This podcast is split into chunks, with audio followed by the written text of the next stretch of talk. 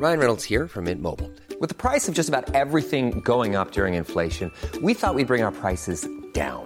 So to help us, we brought in a reverse auctioneer, which is apparently a thing.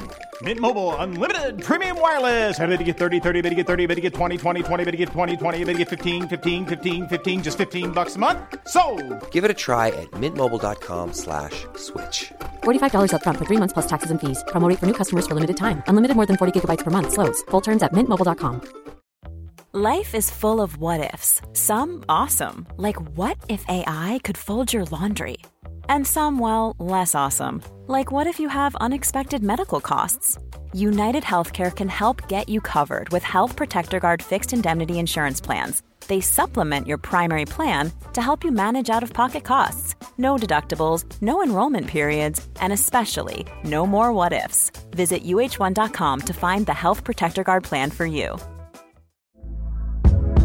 Hey there, it's Michelle Norris. I'm host of a podcast called Your Mama's Kitchen. When I travel, I'm usually looking for a way to find a taste of home when I'm not at home. And one of the things I love to do when I am at home is entertain. And Airbnb allows me to do that. When I was in California recently, I rented a house that had a great kitchen. And when we were sitting around the table, we're all thinking, we're in someone else's house. Someone could be in all of our homes as well. If you have a home, but you're not always at home, you have an Airbnb. Your home might be worth more than you think. Find out how much at airbnb.com/slash host. Tisdagen den 10 juli 1973 verkade som vilken annan dag som helst. 25 personer står och väntar på spårvagnen i närheten av ett torg i centrala Prag. I just det här ögonblicket kommer helt plötsligt en lastbil farandes i hög fart och åker upp på trottoaren, rakt in i folkmassan.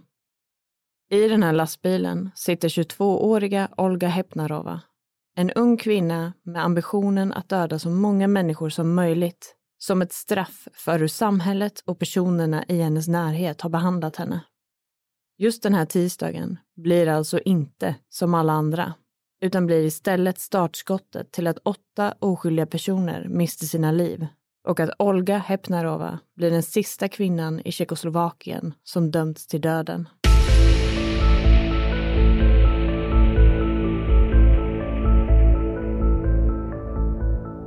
Hej och varmt välkomna ska ni vara till ännu ett avsnitt av Rysapodden.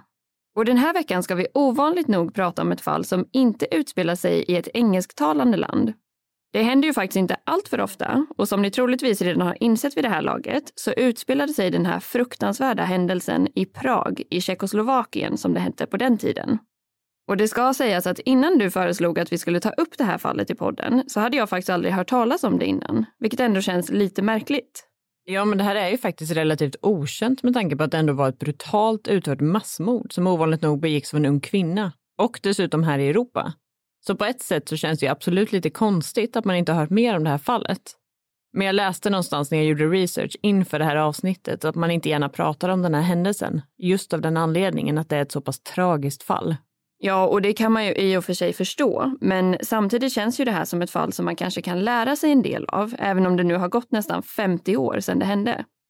Och som i många andra fall finns det ju såklart en hel del saker som i slutändan ledde fram till den här attacken, eller massmordet. Och det kanske ändå är värt att prata om och ta hänsyn till. Framförallt om det skulle kunna minimera risken för att något sånt här skulle kunna hända igen. Ja, verkligen.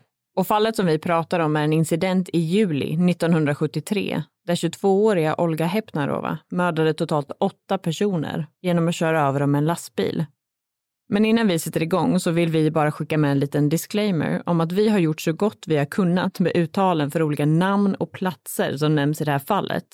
För tyvärr har ju inte vi någon vidare koll på det tjeckiska språket, så att vi har därför fått lite hjälp av någon som däremot har det. Vi vill därför passa på att rikta ett stort tack till en annan Mikaela för att hon har gjort sitt bästa för att försöka hjälpa oss med några av de här uttalen. Ja, och trots det här så får ni nog ändå ha en hel del överseende med våra uttal i det här avsnittet och förhoppningsvis blir det inte alltför jobbigt att lyssna på.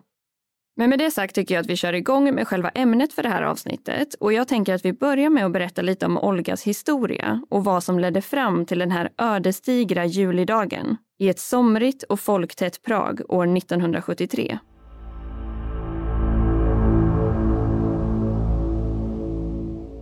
Olga Hepnarova föddes den 30 juni år 1951 och växte upp i Prag i vad som beskrivs som en övre medelklassfamilj.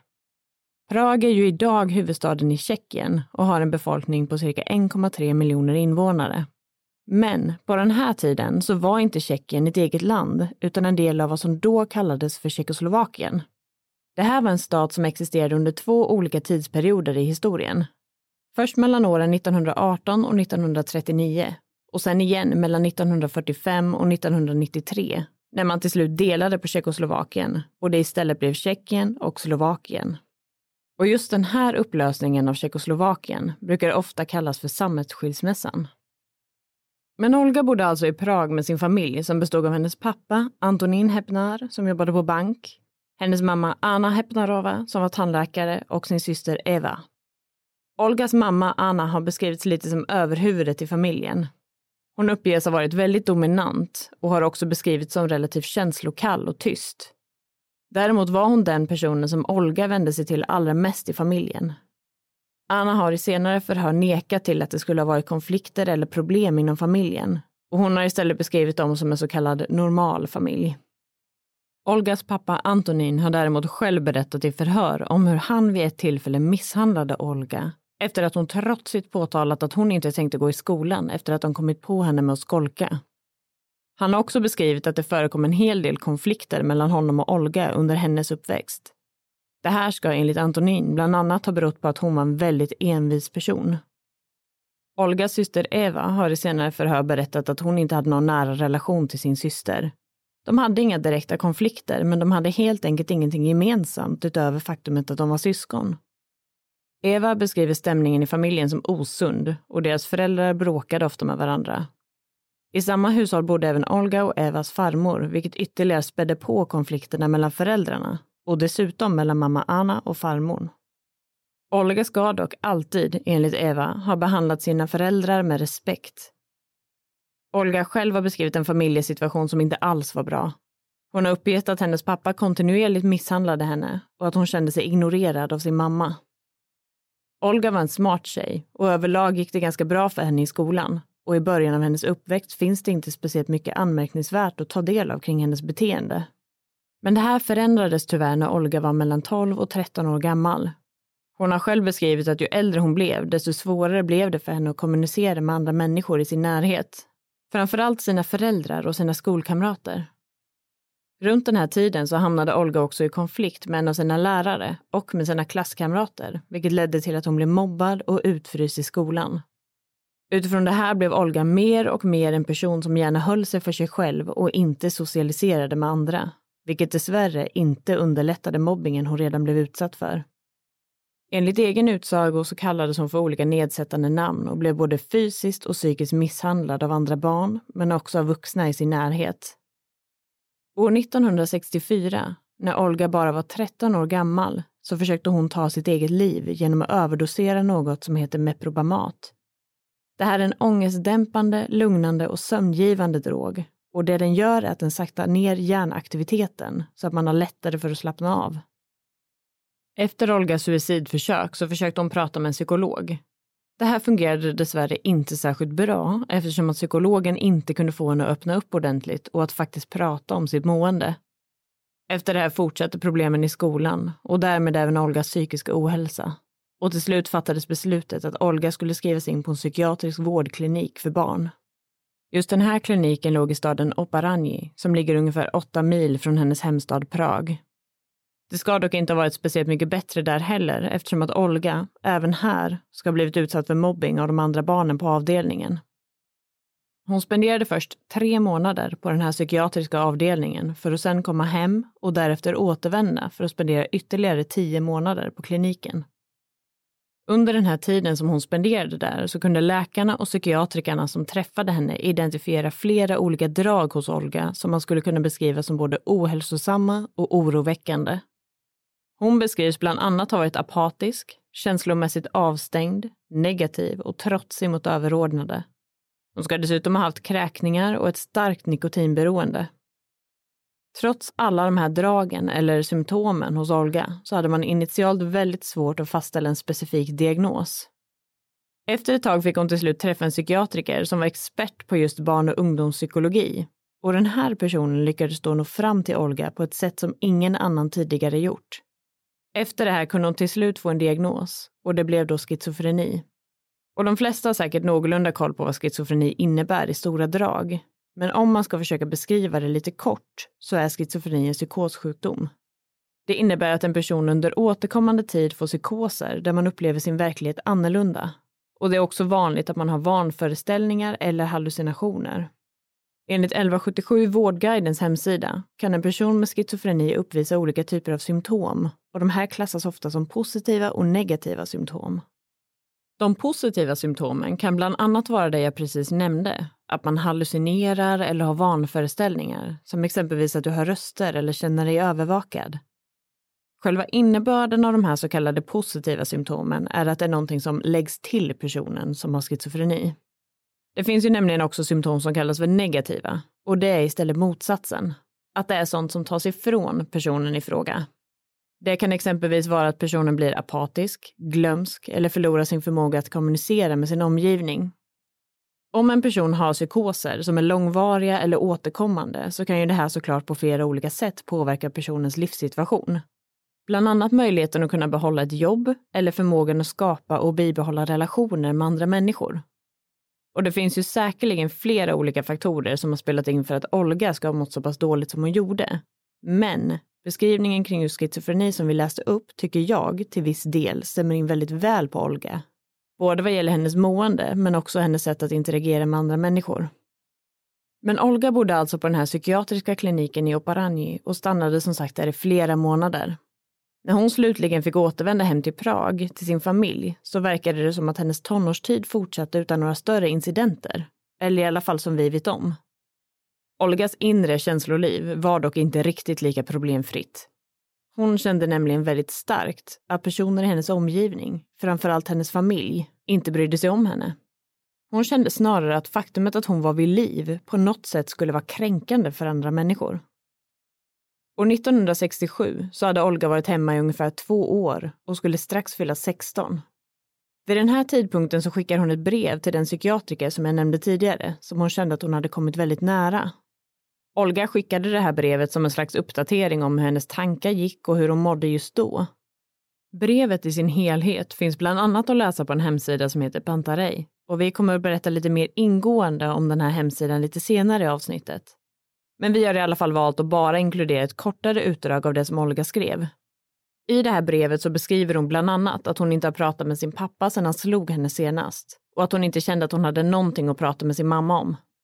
Olga beskriver också att hon ska ha slagit sin syster Eva och att hon inte kände någon skuld över det och att Eva tidigare hade slagit henne också. Ett annat stycke i brevet handlar om samhället i stort och vi har valt att översätta det här så gott vi har kunnat och hon skriver då så här.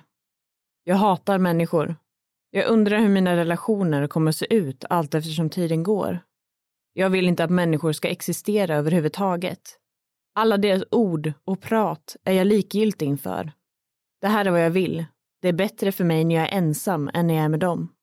Alla faller för deras leenden och gemenskap. De stympade min själ.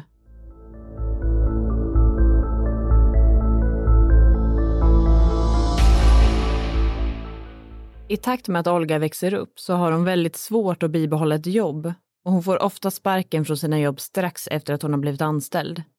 På grund av det här så har hon därför flera olika jobb under sitt korta vuxenliv.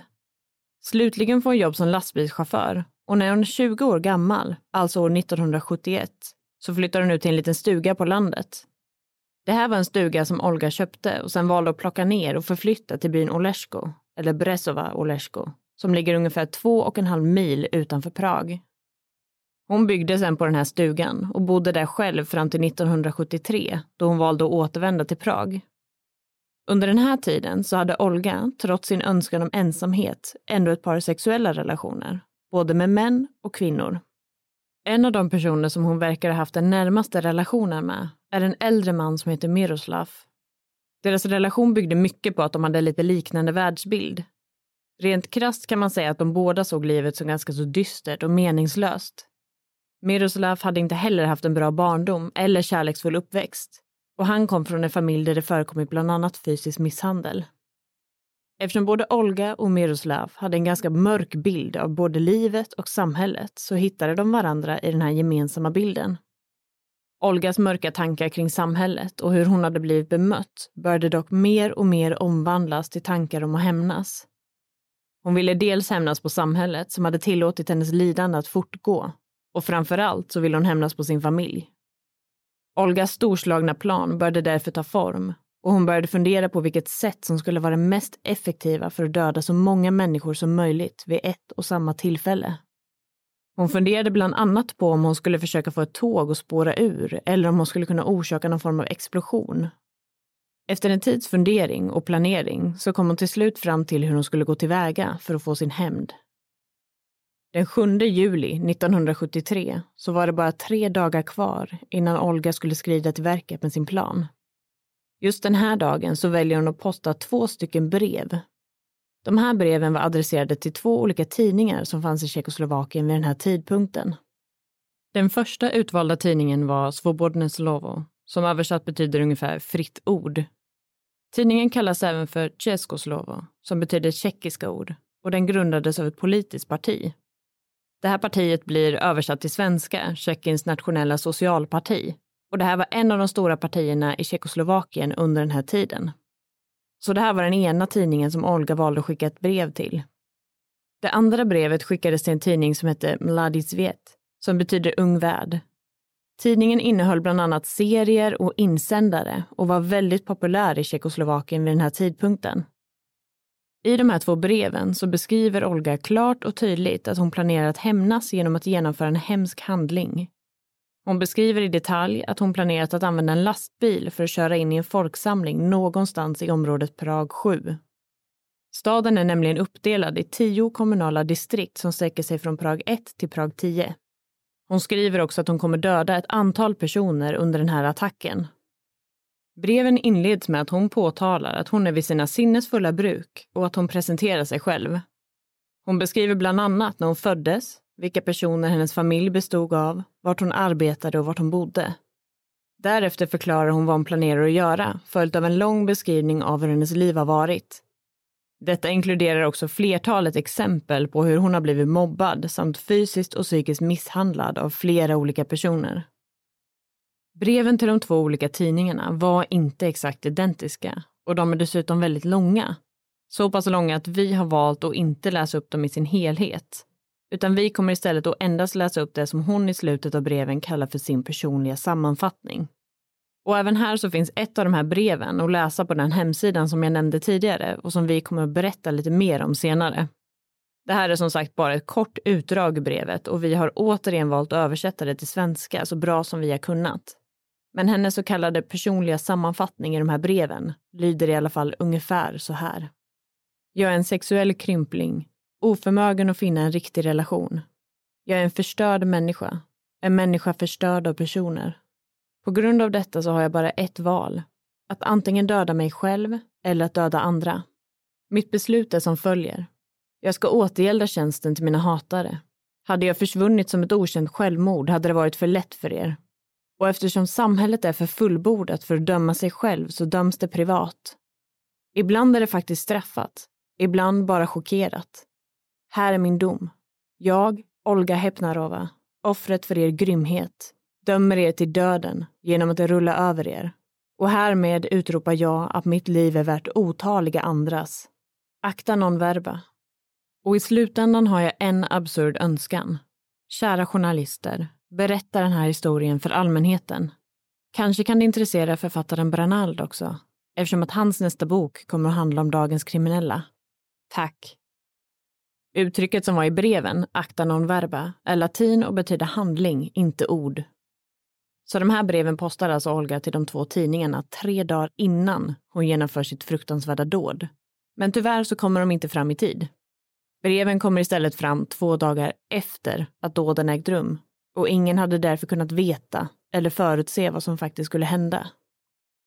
Efter att Olga hade postat breven så skred hon till verket med att genomföra sin plan hon började med att skaffa fram en lastbil och tisdagen den 10 juli 1973 hade det blivit dags. Under förmiddagen valde hon att köra till ett populärt område i Prag 7 där det ofta fanns väldigt mycket folk ute. Det här var precis vid en gata som kallades Oberanzo Miro Avenue, vilket grovt översatt på svenska betyder försvarare av freden. Olga hade alltså valt just det kommunala distriktet Prag 7 för sitt dåd, vilket hon också hade nämnt i sina brev till de två tidningarna. Hon hade också noggrant valt ut den exakta platsen för sitt dåd. Det råkade nämligen vara som så att det fanns en hållplats för spårvagnar vid den här platsen som var placerad nedanför en backe. Så det var inte nog med att det ofta samlades en stor mängd folk vid den här hållplatsen i väntan på spårvagnen. Det var också så, vilket Olga själv uppgav i senare förhör, att backen som ledde ner till den här hållplatsen skulle medföra att hon fick in rätt hastighet för att kunna döda så många människor som möjligt. Men nu var hon alltså på plats och Olga började köra ner för backen, precis som hon hade planerat. Hon valde dock att inte köra upp vid hållplatsen utan cirkulerade istället. Och givetvis kan man ju då tro att den rimliga förklaringen till det här var att hon kanske hade ångrat sig eller känt en plötslig rädsla i och med vad hon planerade att göra. Så var det dock inte, utan Olga valde istället att cirkulera runt platsen eftersom att hon inte ansåg att det stod tillräckligt mycket människor vid hållplatsen vid det första tillfället. Hon körde därför ett varv runt området och provade sen igen. Det slutade sen med att Olga väntade en dryg halvtimme innan hon till slut ansåg att det var tillräckligt med människor som stod och väntade vid hållplatsen. När hon slutligen hade bestämt sig så stod det ungefär 25 personer och väntade på spårvagnen. Klockan var strax innan två på eftermiddagen när Olga ungefär 30 meter från hållplatsen började köra upp mot trottoaren, tryckte ner gaspedalen i botten och körde rakt in i den väntande folkmassan. Hon krockade då med 20 av de personerna som stod vid hållplatsen för att därefter krascha in i ett antal närliggande affärer innan lastbilen till slut stannade. Olga satt sen bara lugnt kvar i lastbilen och väntade på att polisen skulle komma och arrestera henne. Tre personer dog direkt på plats och fem personer dog senare på sjukhuset av sina skador.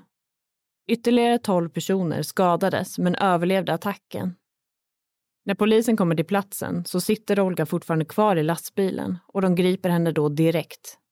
Hon får även genomföra ett utandningsprov för att se om hon är påverkad av alkohol, vilket hon inte är. Senare tar de även ett blodprov, vilket bekräftar samma sak. Hon hade alltså inte kört in i den här folkmassan på grund av att hon var påverkad av alkohol, utan hon hade varit helt nykter. En expert gick igenom brottsplatsen och fastställde bland annat att bromsarna på lastbilen fungerade normalt. Man gjorde aldrig något test av själva motorn och vad gäller styrfunktionerna så gick det inte att undersöka eftersom att framhjulen hade blivit blockerade av stötfångaren efter kraschen. Det fanns ingenting med lastbilens skick eller funktion som tydde på att det skulle ha varit anledningen till kraschen. Vid närmare undersökning av lastbilen så hittade man också en liten träkloss under bromsarna.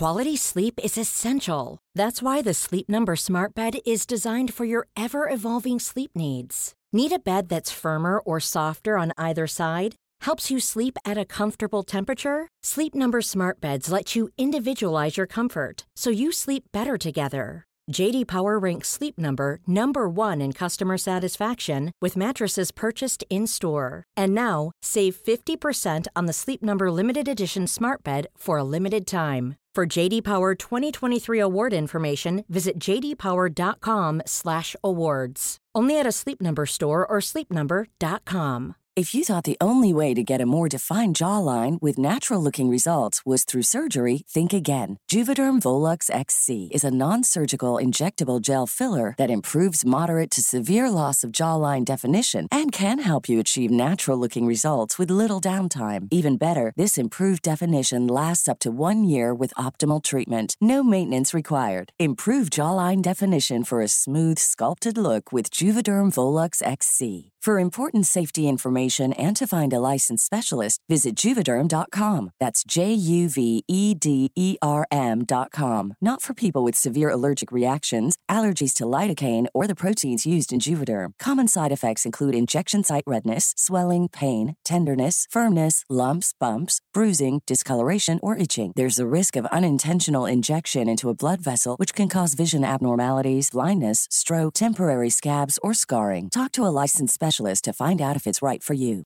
Here's a cool fact a crocodile can't stick out its tongue. Another cool fact you can get short term health insurance for a month or just under a year in some states. United Healthcare short term insurance plans are designed for people who are between jobs, coming off their parents' plan, or turning a side hustle into a full time gig. Underwritten by Golden Rule Insurance Company, they offer flexible, budget friendly coverage with access to a nationwide network of doctors and hospitals. Get more cool facts about United Healthcare short term plans at uh1.com.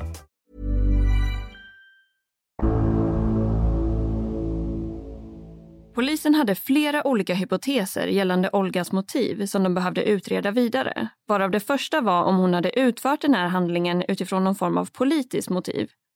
Det här undersöktes noggrant och man fann då att det inte verkade finnas ett sån typ av motiv bakom Olgas agerande. Den andra frågan som utredare ställde sig var om Olga hade agerat själv eller om det fanns andra personer som på något sätt hade varit inblandade eller uppmuntrande till att den här attacken skedde. Man kunde dock inte hitta några bevis som tydde på att hon skulle ha planerat det här tillsammans med några andra och därför uteslöts även den här hypotesen. Och när de här så kallade hypoteserna väl hade uteslutits så fokuserade utredarna helt och hållet på Olga. Man försökte då genom förhör med henne själv och de som stod henne närmast att förstå hennes motiv. Och genom det vilket juridiskt ansvar och därmed vilken påföljd som skulle vara aktuell. Enligt uppgift ska det ha genomförts tre olika förhör med Olga under utredningens gång. Ett förhör ägde rum precis efter att hon häktades, strax efter att hon hade utfört själva attacken. Det andra förhöret ägde rum efter att man upptäckt breven som Olga hade skickat till de två tidningarna. Och som vi nämnde tidigare så kom ju inte de här breven fram förrän två dagar efter attacken, så det var ju därför inget som man initialt visste om. Det tredje förhöret ägde rum efter att utredarna hade blivit informerade om händelserna som ägde rum i Zabrodi tre år tidigare. Och då undrar ni ju såklart vad det här kan ha handlat om. Det är nämligen så att Zabrode är namnet på en by som ligger ungefär två timmars bilfärd från Prag. Där hade Olgas familj ett hus som hennes pappa hade ärvt och familjen åkte dit med jämna mellanrum när de behövde vila upp sig eller komma bort ett tag. Under de tidigare förhören så erkände Olga att hon vid ett tillfälle hade försökt att tända eld på den här fastigheten. Det här inträffade år 1970, alltså tre år innan attacken ägde rum. Det här blev däremot lite av ett misslyckat försök och det resulterade bara i att en dörr blev sönderbränd. Ingen hade någonsin blivit åtalad för den här anlagda branden och innan Olgas erkännande hade polisen alltid misstänkt att det var pappan själv som hade tänt på fastigheten i syfte att få ut försäkringspengar. Men Olga berättade alltså i förhör att det var hon som låg bakom det här och att hon hade gjort det av två olika anledningar. Den första anledningen ska då ha varit på grund av att huset var en källa till konflikt mellan hennes föräldrar. Olgas mamma Anna tyckte nämligen att pappa Antonin la alldeles för mycket pengar på att fixa till och underhålla det här huset istället för att prioritera familjens hem i Prag. Den andra anledningen ska helt enkelt ha varit att Olga ville hämnas på sin pappa. Under utredningens gång så uttryckte Olga aldrig någon ånger för det hon hade gjort, utan det var snarare tvärtom. Hon var nämligen väldigt tydlig med att hennes intention med den här attacken hade varit att döda så många människor som hon bara kunde på en och samma gång. Redan vid första förhöret med Olga så närvarade en psykolog under 20 minuter av förhöret och journalförde därefter att de här 20 minuterna var tillräckliga för att kunna utesluta psykisk sjukdom. Senare under utredningen kallade man in både psykiatriker och fler psykologer för att hjälpa till att bedöma Olgas mentala hälsa. Man kallade även in en sexolog eftersom att homosexualitet på den här tiden sågs som en sexuell avvikelse. Och med tanke på att Olga hade sexuella relationer med både män och kvinnor så sågs det här alltså som ett avvikande beteende. Utöver det här blev Olga även undersökt på en psykiatrisk klinik i Prag det man till slut kom fram till var att Olga inte ansågs vara psykiskt sjuk och att hon var väl medveten om sina handlingar och dessutom hade planerat dådet under en längre tid. Hon bedömdes även ha ett högre IQ än genomsnittet. Sexologens bedömning av Olga uppges ha varit att hennes psykosexuella status var obalanserad utifrån hennes homosexuella dragningar. Däremot uppgav sexologen att det här inte ska ha spelat någon roll i hennes agerande kring det utförda massmordet. Själva faktumet att man ens utredde Olgas sexuella läggning i det här fallet kan man ju verkligen ifrågasätta utifrån dagens perspektiv. Men det här var ju som sagt under tidigt 70-tal i Tjeckoslovakien och lyckligtvis har det ju hunnit hända en del inom det här området under de senaste 50 åren. Men Olga själv hade ju hela tiden hävdat att hon inte var psykiskt sjuk och att hon hade utfört sitt dåd fullt medveten om vad hon gjorde. Olga hade däremot tilldelats en försvarsadvokat som inte alls höll med henne om det här och han jobbade istället väldigt hårt för att man skulle bedöma henne som psykiskt sjuk och att det här också borde tas i beaktning vid en eventuell dom. Hela utredningen tog ungefär fem månader och avslutades i december 1973. Rättegången påbörjades sedan i april 1974 och pågick under fem dagar. Olga valde också att hålla ett tal under rättegången som hon hade förberett under sin tid i fängelse, där hon bland annat sa följande. Om samhället förstör individer så kan individer förstöra samhället. Jag ville ha min hämnd på samhället, inklusive min familj, eftersom att de är mina fiender.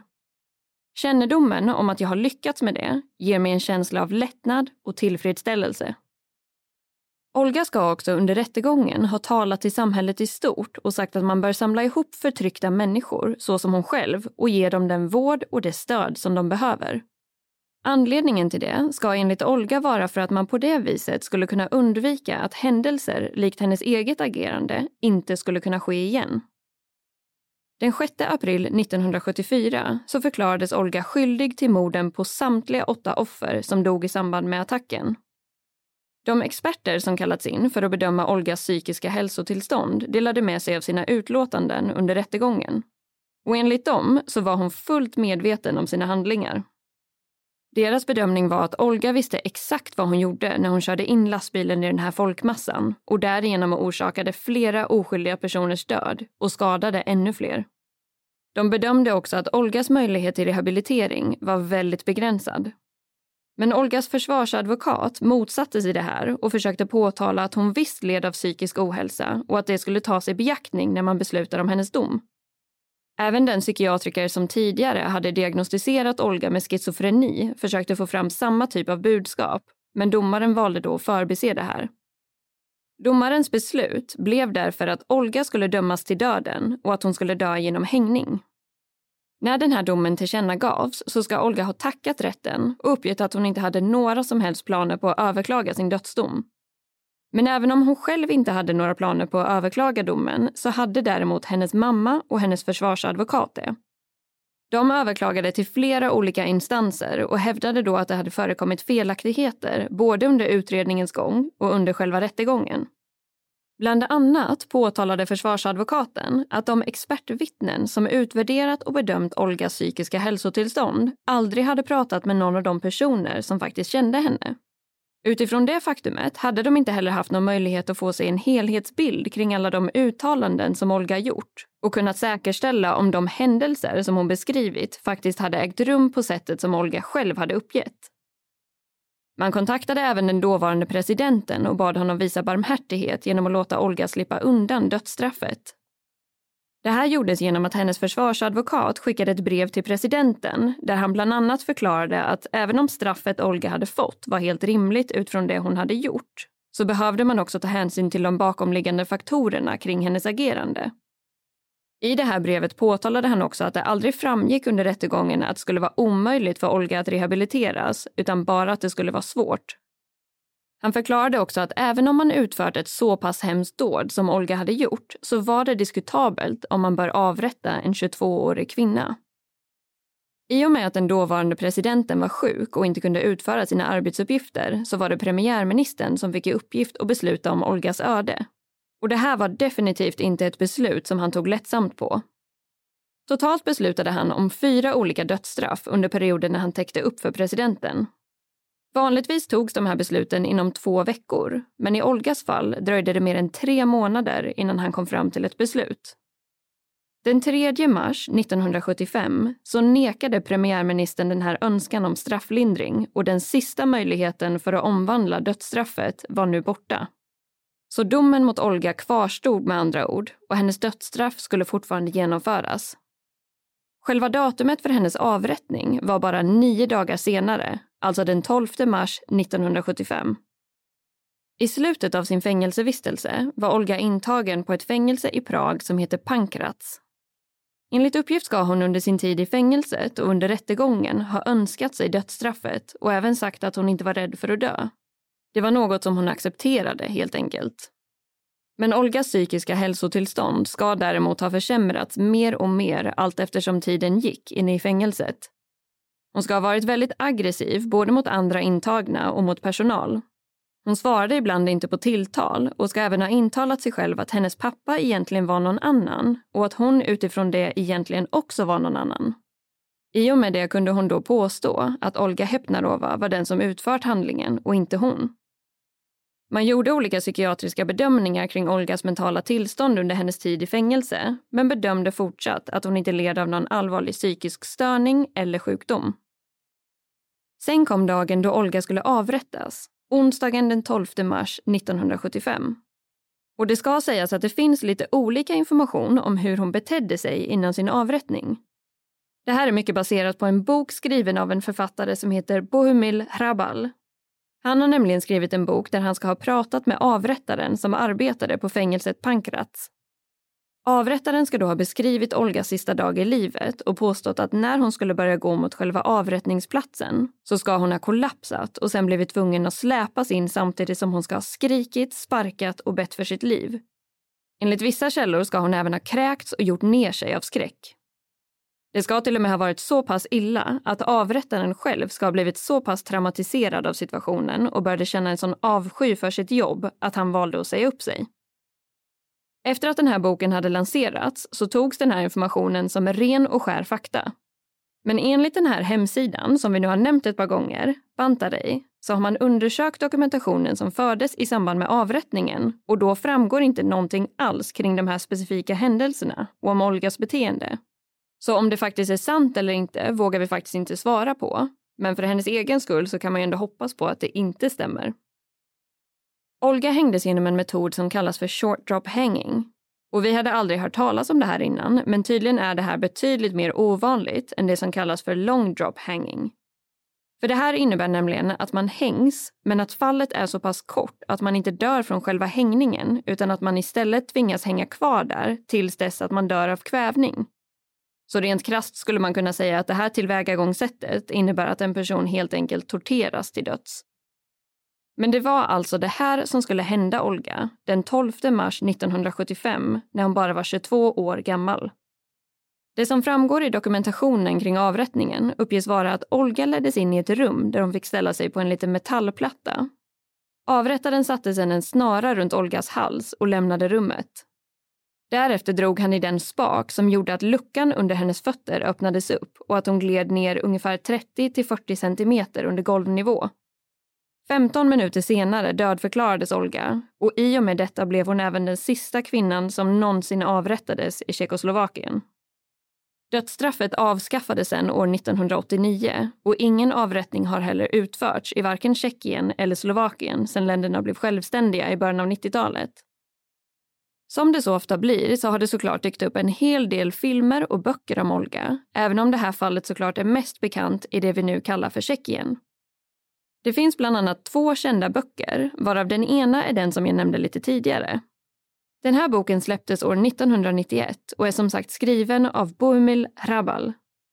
På tjeckiska heter den här boken Ponorne Ricci, vilket på svenska betyder dränkbara floder. År 2001 släpptes en annan bok skriven av Roman Cilek vars titel på svenska betyder Snara för åtta döda. Och sen har vi ju då den här hemsidan som vi har nämnt ett antal gånger under det här avsnittet. Den heter som sagt Bantarei och personen som skapat hemsidan heter Cesmir Kuzar. Det här är en otroligt detaljerad hemsida som innehåller väldigt mycket information om Olga och hennes liv samt själva massmordet och hela processen efteråt. Han är också oerhört noga med sin information och vi har därför varit i kontakt med honom för att få tillåtelse att använda informationen från den här hemsidan. Men om man nu skulle vara intresserad av att läsa mer om det här fallet så kan vi verkligen rekommendera er att besöka just den här hemsidan. Det är däremot inte en helt enkel adress att komma ihåg så jag tänker att vi kan ta och lägga in länken till hemsidan i själva avsnittsbeskrivningen för de som är intresserade. Och i vanlig ordning finns det såklart väldigt mycket mer material och information där ute utöver det som vi har valt att ta upp i just det här avsnittet. Chesmir uppdaterar också hemsidan kontinuerligt och jobbar för att få fram mer skriven dokumentation rörande det här fallet. Han har också varit en av de källor som skaparna av en film som heter I, Olga Hepnarova har vänt sig till för att få fram information. Den här filmen släpptes år 2016 och är regisserad av Peter Kazda och Tomasz Weinreb. Och det sägs att de har spenderat oerhört mycket tid på just research inför den här filmen och att de har gjort ett aktivt val om att inte ta med någonting om de inte har kunnat säkerställa att det faktiskt stämmer. Så även om det är en filmatisering så uppges den vara väldigt sanningsenlig. Regissörerna bakom den här filmen, I. Olga Hepnarova, har uppgett att deras ambition var att skildra Olgas liv och någonstans visa på hennes mänskliga sida.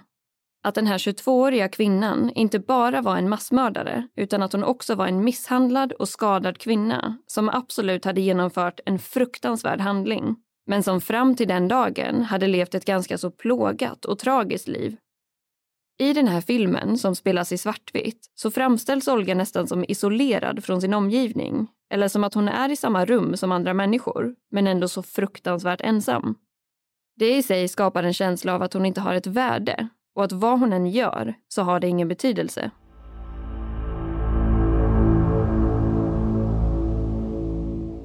Det här tycker jag är ett så tragiskt fall. Inte bara på grund av att åtta oskyldiga människor förlorat sina liv, men också på grund av Olga själv. Det är verkligen omöjligt för oss att veta hur det egentligen låg till, men att Olga inte skulle ha lidit av någon form av psykisk sjukdom är ganska så svårt att föreställa sig. Så man kan ju inte låta bli att undra om det här fruktansvärda massmordet hade kunnat gå att förebygga på något vis. Ja, och på tal om att förebygga så finns det en annan sak som jag är väldigt nyfiken på. Och det är nämligen vad man hade gjort om Olgas brev till de här tidningarna faktiskt hade kommit fram i tid och att de alltså hade haft den här informationen innan attacken ägde rum. För det är ju svårt att veta om man hade tagit det på allvar och agerat på något vis eller om det dessvärre inte hade gjort någon större skillnad ändå. Det kan man ju verkligen undra över. Och i slutändan är ju såklart det värsta av allt att åtta oskyldiga människor miste livet och flera andra skadades i den här attacken. Och det var ju trots allt Olga Hepnarova som utförde det här dådet och det gör ju henne till en massmördare. Så ur den här synpunkten så är det ju inte mer än rätt att hon ska hållas ansvarig för sina handlingar. Men sen kan man ju givetvis ställa sig frågan till hur hon egentligen mådde och vad som hade kunnat hända om hon hade fått rätt stöd och behandling. Ja, och lyckligtvis har ju kunskapen kring psykisk ohälsa och olika typer av psykiska sjukdomar utvecklats en hel del sedan 70-talet, så det är i alla fall någonting att glädjas över. Även om det såklart fortfarande finns en hel del problematik och okunskap inom det här området. Men det här var ju lite av ett annorlunda fall och speciellt med tanke på att det för en gångs skull inte ägde rum i England, Kanada, USA eller Australien, vilket verkar vara de mest förekommande länderna i den här podden. Ja, och som sagt så hoppas vi verkligen att ni har orkat stå ut med alla våra halvdana tjeckiska uttal i det här avsnittet och att ni har tyckt att det varit intressant att ta del av. Men vi hörs ju som vanligt igen redan nästa måndag och som alltid vill vi skicka med ett stort tack för att just du har valt att lyssna på det här avsnittet av Rysapodden.